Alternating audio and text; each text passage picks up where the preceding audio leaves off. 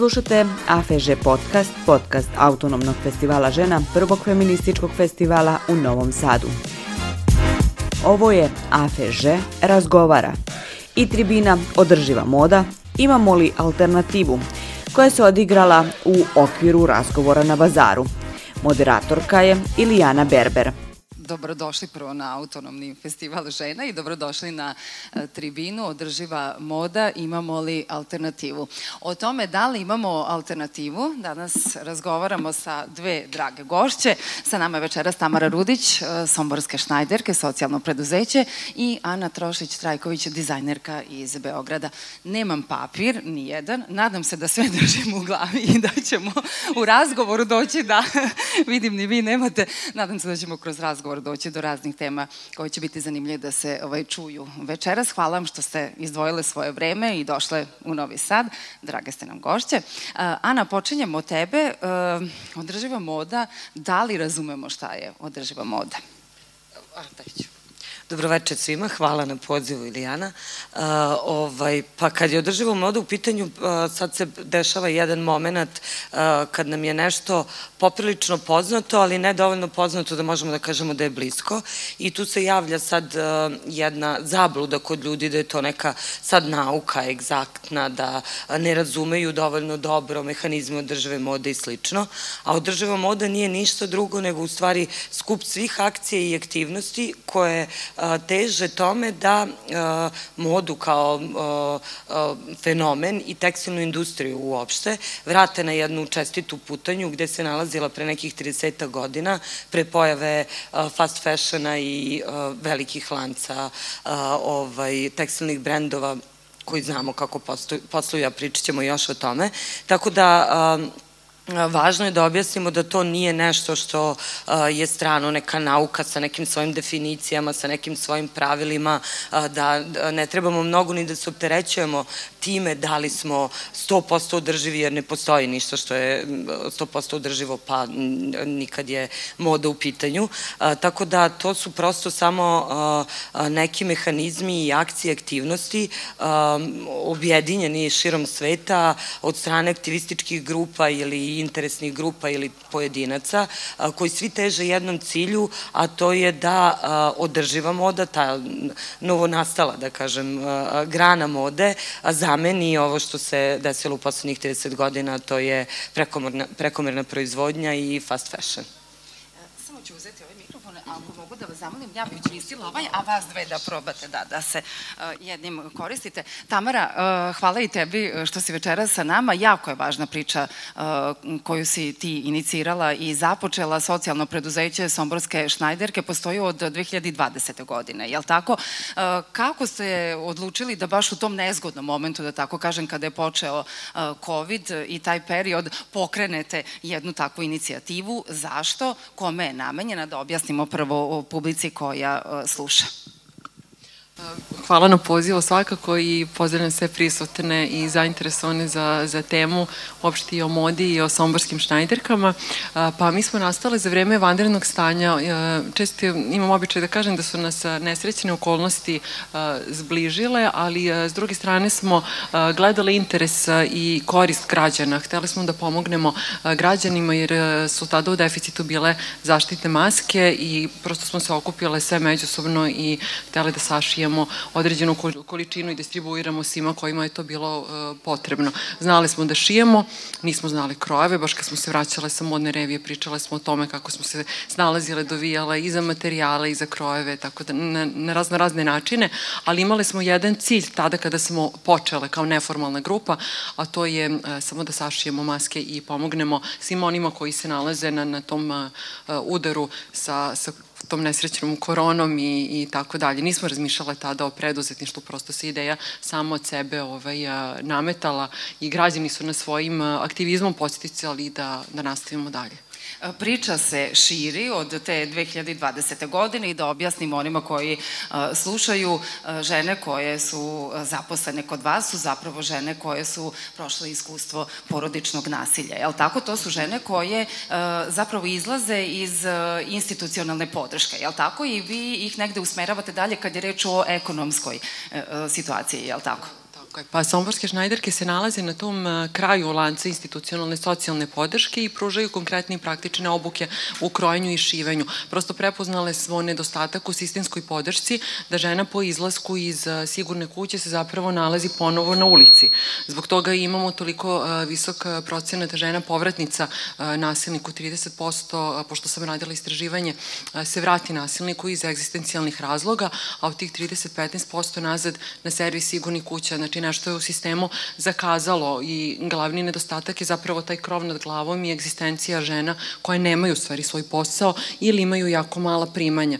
One se uljuljkaju tokom boravka u sigurnoj kući tri meseca, to je neka komfort zona, postoje uh, igronice i učionice za decu, ali one se suoče posle toga sa egzistencijalnim problemima, kako da platim račune, kako deci da kupim učbenike, sve ono što u stvari jedan, jedan normalan čovek u stvari treba da posjeduje dalje za život po izlasku iz uh, sistema. To je taj moment gde ste zapravo sjajno spojili uh, modu, ako mogu tako da kažem, jel da, i ovaj, uh, aktivizam. Uh, Ana, da te pitam, uh, šta mi kao uh, obični građani uh, i je pojedinci možemo prvo kod sebe da menjamo kada je reč o sporoj uh, i brzoj modi? Šta je ono što je nama najlakše da usvojimo uh, kao navik. Pa ja moram, prvo pa, moram samo da se nadovežem na Tamarinu priču i da, ono, kažem, veliko bravo za, za to što ste pokrenuli. I postoji još jedan aspekt, kad je tekstilna industrija u Srbiji sada u pitanju, dok smo bili Jugoslavija, svi znamo kako je izgledala naša tekstilna industrija i da je to bila u Evropi jedna od najjačih zemalja kad je tekstil u pitanju. Mi se sad nalazimo u situaciji, mi, kad kažem mi dizajneri, da nemamo krojačice i šnajderke koje možemo da da uposlimo. Prosto odeljenja na tekstilnim školama koje obučavaju krojače se zatvaraju jer nemaju dovoljno polaznika, tako da to što ste vi uradili stvarno jedna divna stvar prvo za te žene koje, što, što njima predstavlja u stvari rešenje za budućnost i neki escape, tako reći, a drugo to je stvarno jedno zanimanje koje je u izumiranju i jedan stari zanat koji, on, na koji niko više ne obraća pažnju, prosto nemaju potrebu za tim. Tako je i, uh, i, i postoji potreba za, za tekstilnim radnicama i, i tek kako.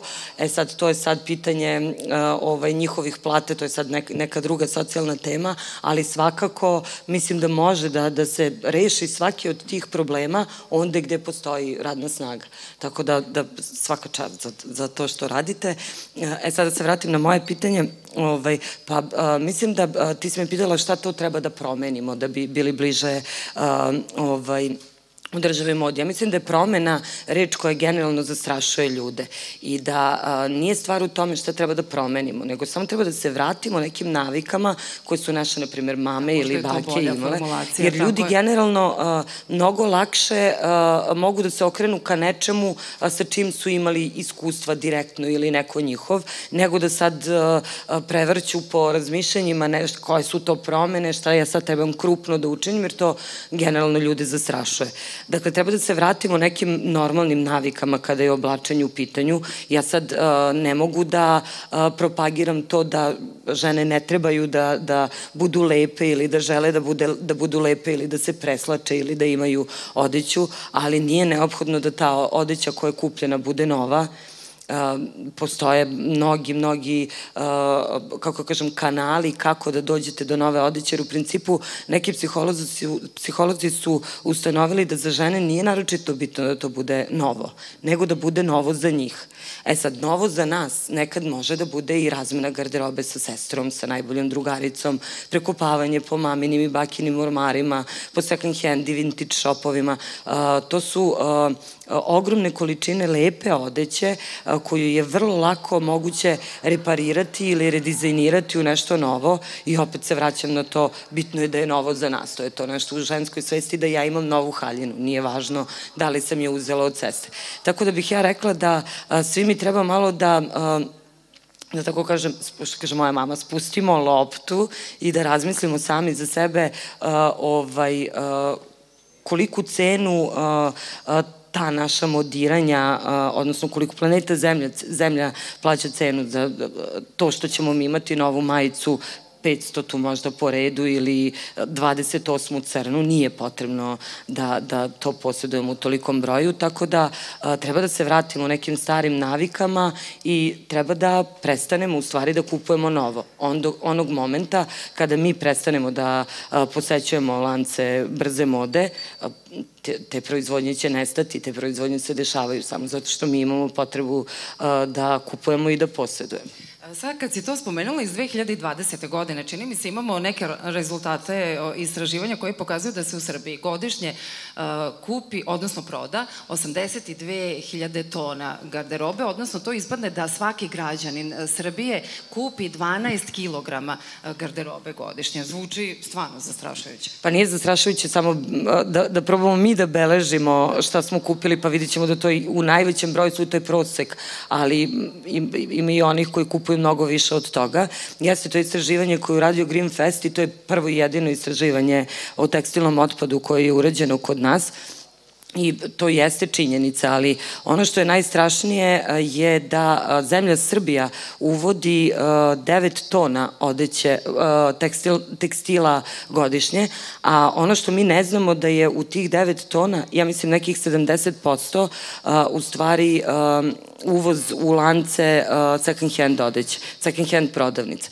Dakle, mi uvozimo tekstilni otpad zemalja sa zapada, i to se plasira u, u lance trgovine tekstil, uh, second handa, a u našoj zemlji, na primjer, nedozvoljena regulativom je zabranjeno da mi građani prodajemo naš tekstilni otpad. Mislim, ja ne mislim da tako nešto postoji, tekstil je tekstil, tako da umesto da odeću koju smo mi iznosili, možemo da prodamo po istoj toj ceni po kojoj otkupljuju sa zapada te kontejnere polovne robe, da mi prodajemo u stvari našu odeću, a ne da naša, naš tekstil završava na deponijama, a mi izbrinjavamo um, tekstil sa, tekstilni otpad iz drugih zemalja.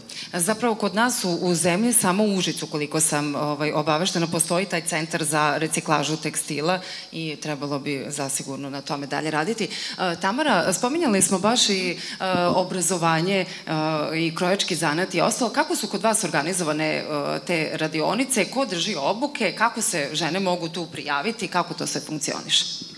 Pa nama je bilo jako važno da prvo osnažimo naše žene koje su izašle iz eh, sistemske podrške i zbog toga smo definisale program mentorstva uh, unutar naše organizacije. On podrazumeva obuke uh, na osnovnom i naprednom nivou. To su žene žrtve nasilja koje su nekada, eto, bile žrtve, a sada su uspele da se osnaže i u tom krojačkom zanatu, a i u psihološkom, da sada pomognu i drugim ženama. E sad, kako ovaj, nisam toliko vešta u izražavanju uh, o modi kao i vi, morat ćete neke edukacije da nam ovaj, održite. Ana je sjajna sagovornica, znala da, sam da, da, da, da. Super. ovaj, mi smo napravile sporazum o saradnji sa školom za osnovno i srednje obrazovanje Vožd iz Beograda, uh, gde naše žene koje su završile samo osnovnu školu, pošto uh, 57% žena žrtava nasilja korisnica usluga sigurni kuće su sa ili bez osnovne škole. Jako nam je važno da ulažemo u obrazovanje tih žena i zbog toga ženamo da im pružimo pružimo mogućnost da one e, vrate davno izgubljeno samopouzdanje i dostojanstvo. Jer naravno kada žena je obrazovana i ima neku diplomu, sertifikata, mnogo je to znači. To nije najobičnija diploma, neki kurs, nego to je e, program koji je u rangu e, srednje škole i priznat na evidenciji Nacionalne službe za zapošljavanje. A šta je bilo pitanje? Podsjetite me. Na ovo mogu sad da se nadožem. Ako pričamo o tekstilu i o, ovaj, i obukama i o svemu, kako se tu snalazite zapravo? To je cela priča i aktivistička i to. A, kako nabavljate resurse i ostalo? Da li su građani u to uključeni? Kako mogu da vam pomognu? Pa mi smo se i među sobom dosta izveštile u, u krojačkom zanatu, ali svakako imamo podršku i žena iz zajednice koja prepoznaje somborske šnajderke kao jednu važnu žensku i priču i organizaciju i pokret kako god, pa se priključuju, žele da, da daju svoj doprinos. Imali smo žene iz zajednice koje nisu žrtve nasilja bile i prosto su žele da, žele da nam pomognu oko osmišljavanja modela za modnu reviju. Da se vratim na početak, mi smo počele sa tim zaštitnim masama maskama, ništa nismo drugo znali da radimo, pa smo onda krenule sa posteljinama, cegerima, kuhinskim setovima. Prosto ideje su se same nekako, što se organizacija širila i uh, povećavao broj uh, žena naših članica, tako su se ideje međusobno rađale. Nikada nismo ni na samom početku razmišljali o tome da mi možemo na Fashion Weeku, na primjer, da učestvujemo. Razmišljali smo u stvari, da, bilo bi baš super da učestvujemo. Ovaj, I onda je usledio taj poziv kada je bila u toku fundraising uh, kampanja. Javio nam se direktor ovaj, modne agencije Klik, da li biste hteli modnu reviju tamo? Mi smo rekli, ne, nećemo, mi hoćemo svoju modnu reviju da imamo, ali smo predstavile naši, naš uh, mini performans na, na Fashion Weeku, gde smo hteli da predstavimo kroz tri haljine, u stvari ženu koja je izašla iz nasilja zahvaljujući somborskim šnajderkama. Prosto čitav taj ciklus od venčanja, medenog meseca, nasilja, duboke krize i izlaska kao pobednice. E sad, spomenuli ste ovu kampanju koju smo svi zajedno ispratili i u medijima i na društvenim mrežama. To se sve završilo jednom jako lepom modnom revijom u Beogradu u maju, ako se ne varam. Jel tako, kako je to sve proteklo, kakva je bila zainteresovanost, verovatno velika, s obzirom na to da je, sve, da je projekat praktično uspeo, jel tako? Jeste, tako je.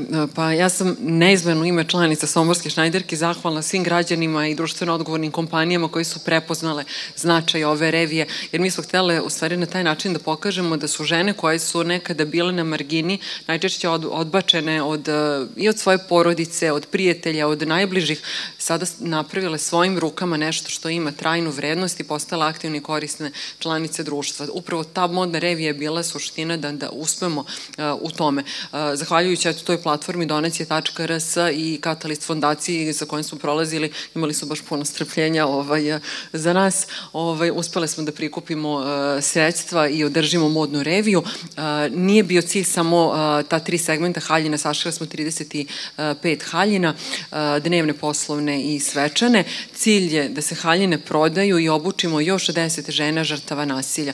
Uspele smo eto samo jednu haljinu da prodamo na modnoj reviji, ali svakako nećemo odustati od tog svog cilja, jer sva sreća to javljaju nam se i ambasade koje žele da doniraju materijale i priključe se ovoj akciji.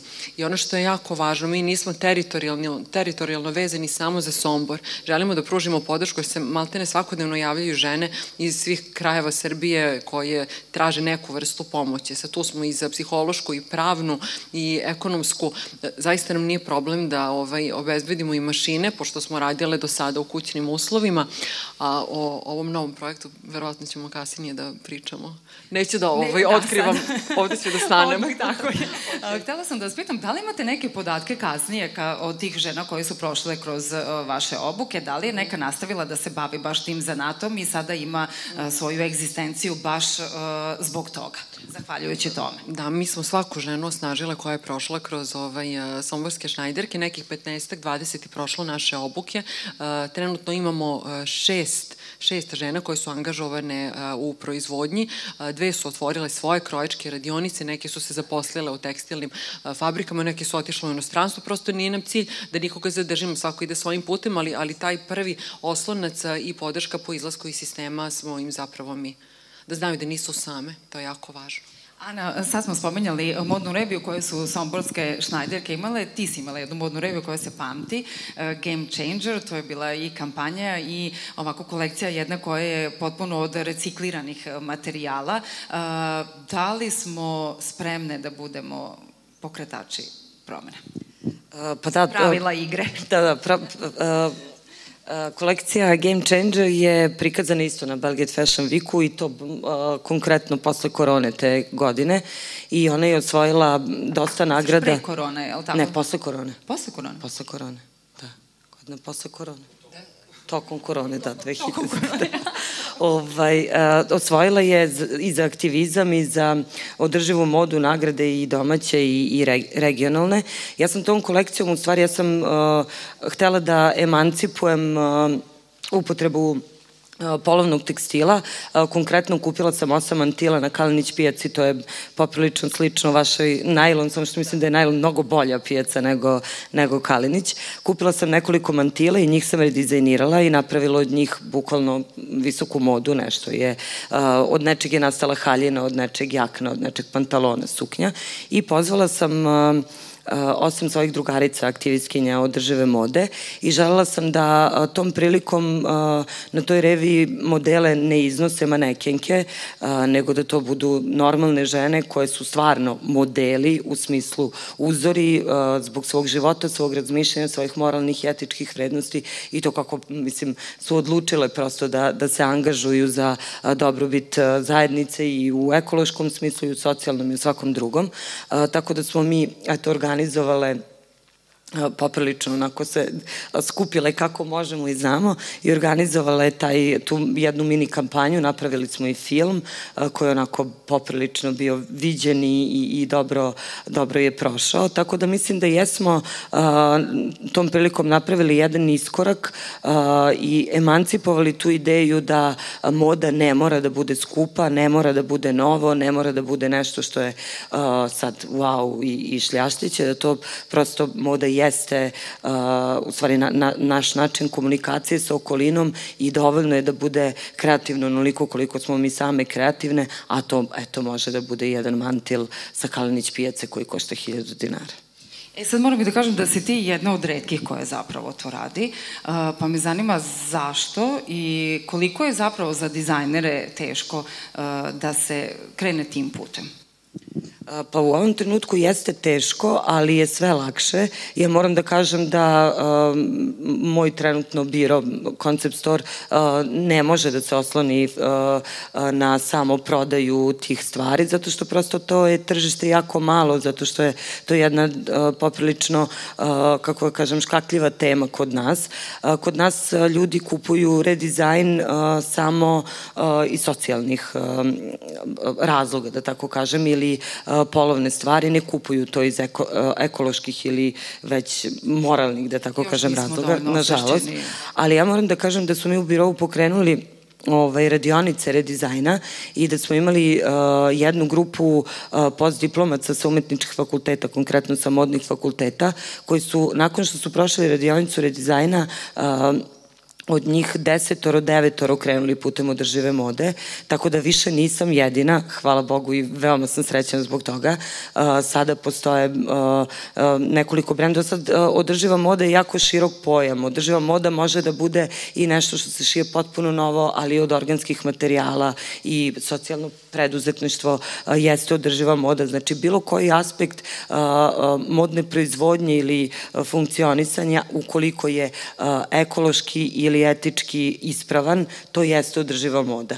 A, tako da nije samo redizajn održiva moda, održiva moda je i zero waste proizvodnja kada se prave haljine u kojima nema a, otpadnog materijala, a, takođe proizvodi od 100% pamuka, sada postoje nove vrste eko kože koje se prave od biljaka, tako da održiva moda je širok pojam i ima je u Srbiji samo što je redizajn još uvek na nekim, da kažem, staklenim nogama, ali to se razvija. Uh, mi smo sad uh, više akcentujemo to da ne idemo na redizajn u smislu nepoznati predmet se redizajnira, nego pozivamo dame da iz svojih ormara izvuku neke stare odevne predmete, jer svi znamo kako se to proizvodilo nekada, recimo 70. i 80. u Jugoslaviji i koji je to bio kvalitet i sirovinski sastav. Tako da pozivamo dame koji imaju takve komade u nasledstvu, da tako kažem, da njih redizajniraju jer je to opet nešto njihovo, nije nešto što je tuđe jer prosto postoji ta jedna stigma da stavimo na svoje telo nešto što je nosio neko koga ne poznaje. Kad si spomenula sad svoj biro Concept Store, znam da tamo možemo da iznajmimo, je li tako, garderobu, jesmo li na to naviknuti? Pa iznajmljuju venčanice i haljne za matur. Ali to pozdravljam u svakom slučaju i to je jedan, jedan način da moda cirkuliše, da se ne odbacuje, jer posebno te svečane haljine žene kupuju za određenu priliku i sad, zahvaljujući društvenim mrežama, svi njihovi... Ne nosimo ih tako više, je, Tamara, u tebe gledam.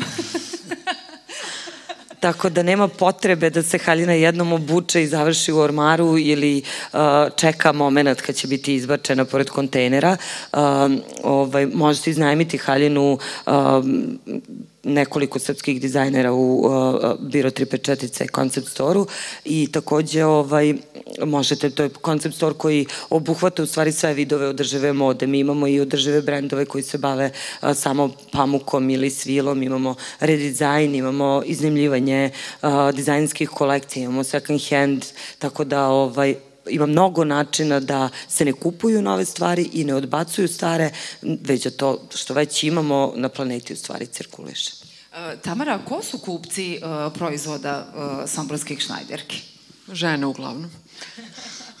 Pretpostavila sam, zato i pitam, ali hajde da proverim. Žene, ženske organizacije, imamo saradnju i sa nekim većim kompanijama, evo šijemo i, i za Lidl cegere kao korporativne poklone. Um, samo da se setim za koga još od tih većih.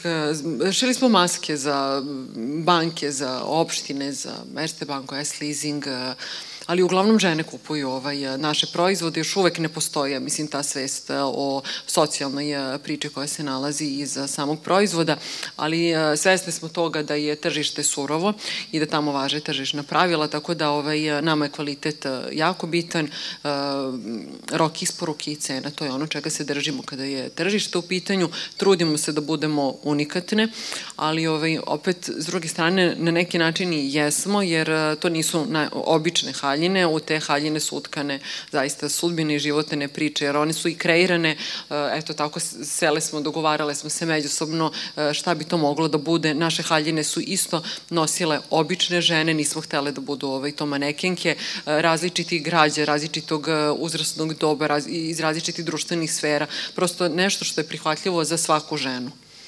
To je bio eto, cilj ovaj, modne revije, a što se kupaca tiče, pa opet kažem, uglavnom su žene koje imaju svest o tome. Haljine smo nazvali ženskim imenima. To sam videla, da. Da, jer ovaj, zaista znamo jako puno žena koje, mislim, kažemo svaka žena u Srbiji je somborska šnajderka, ne u smislu da je, ne mora da je preživela nasilje, ali zna sigurno neku ženu koja ima problem ovaj, sa nasiljem. Iz tog razloga smo htele da, ne da se žene identifikuju, ali opet da da, da im budemo taj neki link i kontakt, eh, da, da se prepoznaju i da, da ih ne bude ni sramota ni straha i da znaju da postoji alternativa da se izađe iz nasilja. Uh, Ana, moram da te pitam, često se uh, potegne pitanje kada se priča o održivoj modi o domaćim uh, dizajnerima. To je neka scena koja se sad širi, raste i zaista čini se onako da vas ima sad sve više i više. Zanima me što se tiče cena, često se može čuti da kada se kupuje nešto kod domaćih dizajnera to mnogo više košta nego da odemo u neki lanac trgovinski, kupimo sad majicu, stvarno možemo kupiti običnu majicu za, pa da ne kažemo nekim tim glavnim nekim uh, većim prodavnicama pa za hiljadu dinara, jel tako, bukvalno, najbukvalnije moguće. Šta je tu neki adut uh, domaćih, domaće proizvodnje, domaćih dizajnera? Kako da uh, privučete što više pažnje Pa ja moram da kažem da mi nismo jedni drugima konkurenti, da je, kad je fast fashion u pitanju, to prosto biznis, a da se mi bavimo modom. Te kompanije u stvari dolaze do te cene na veoma neetički način, a to se dešava tako što njihove proizvode proizvode maltene deca i žene uglavnom u državama trećeg sveta bez bilo kakvih prava radnih i maltene bez ljudskih, ljudskih prava po honoraru od 30 dolara mesečno, znači rade za 1 dolar mesečno, često smrtonacnim uslovima, svi znamo kako, šta se desilo kada se obrušila ovaj, uh, plaza u Bangladešu i koliko ljudi tamo poginulo i da za njihove živote prosto niko nije, nije odgovarao. Tako da moramo da osvestimo to da cena proizvoda u velikim lancima, našim omiljenim lancima, je to jeste činjenica, u tržnim centrima nije realna i nije osnovana da je do te cene došlo na račun nečijeg života faktički, mislim, bukvalno u stvari jeste, a kada je cena proizvoda domaćeg dizajna u pitanju, to prosto ne može nikada da bude na, na istom nivou kao te masovne proizvodnje. Mi uh, radimo uglavnom mini serije do pet komada ili unikatne komade, znači nikada ne kupujemo zalihe materijala, ne odlazimo u Kinu da to platimo jeftine, kupujemo ih po maloprodajnoj ceni u prodavnicama, uh, šijemo komad po komad, često uslužno, uslužno šivanje haljina je veoma skupo, tako da u principu dizajnerska cena, verovali ili ne, u zadnjoj toj ceni je negde 20 do 30% celokupnog tog iznosa, tako da to je jedno uvreženo pogrešno mišljenje da su dizajnerske stvari skupe. Nisu, to je realna cena jednog jednog dana kada se stvari budu vratile na neki normalan kolosek i kada ti radnici tamo u državama trećeg sveta budu imali platu, prosečnu platu zemlje iz koje potiče fabrika za koju oni rade, odnosno kompanija za koju rade. Na primjer, ako šiju za Zaru, onda ona u Bangladešu mora imati srednju platu koju je u Španiji. U tom momentu će se izjednačiti ponovo cene naših proizvoda sa njihovim, odnosno fast fashion će polako pasti jer do toga mora doći i ovaj, onda ćemo mi ponovo, mislim, imati neko svoje tržište koje je normalno. U celu priču naravno ovde je uključena e, ekologija. E, mene zanima da li apsolutno o tome imamo svest e, kada krećemo u kupovinu i da li mi neki koji imamo zapravo svest o tome razmišljamo da moramo imati uslove, jel tako, da to sprovodimo u praksi. Šta misliš, gde smo tu odmakli? Pa dosta su drugačije stvari nego što su bile. Pre pet godina kad sam ja krenula da se bavim održivom modom, ja nisam mogla da nađem nijedan tekst na srpskom jeziku o održivoj modi. Mi sada imamo novinarke koje se bave isključivo tom temom, aktivistkinje, mnogo dizajnera, imamo modne brendove koji se bave održivom modom, imamo na Belgrade Fashion Weeku dan održive mode koji je posvećen potpuno toj temi, tako da definitivno smo se makli sa mrtve ta tačke, ali ali ja moram da kažem da svi ti projekti održive mode su za sada na aktivističkom nivou, zato što svi mi imamo neke druge priče koji su nama izvori Počivaju prihoda. na entuzijazmu, tako je, tako? tako je.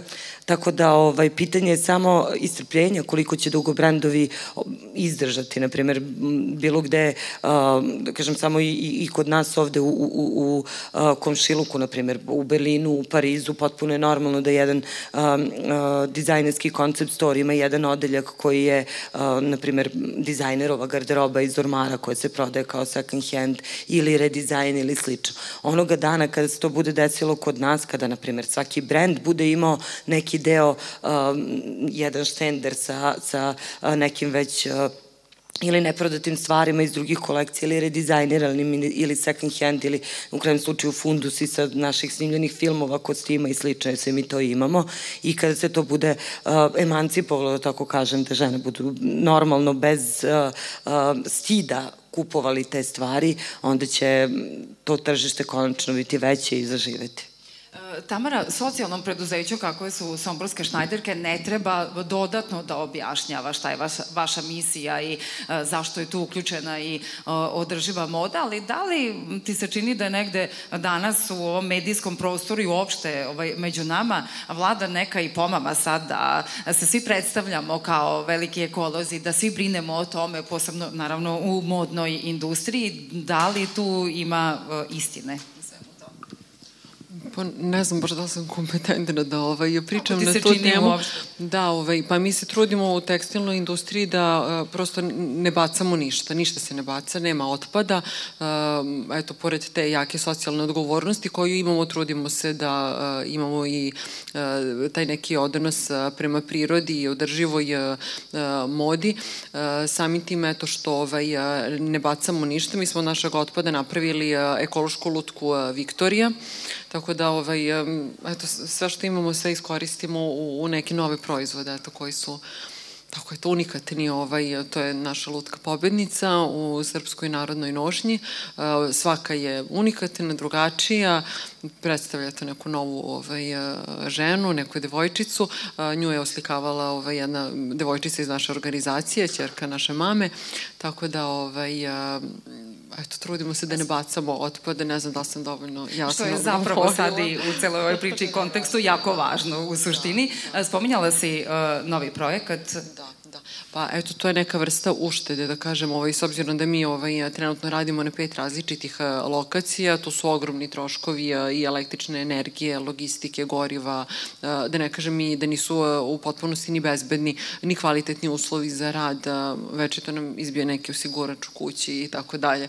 Ovaj, I sad smo, eto, zahvaljujući Tragi ovak fondaciji dobili sredstva da napravimo svoj Schneideraj centar. On podrazumeva da će na jednom mestu biti kompletno proizvodni pogon izmešten, da, koji će nam u isto vreme biti edukativni centar i da će žene moći da rade. U okviru tog prostora imaćemo igronicu i učionicu za decu. Odlično znamo kada smo počinjale da radimo koliko je ženama bilo važno da mogu da sačekaju decu iz škole, da rad prostoru veša, da, da skuvaju ručak, a u isto vreme da mogu i da rade.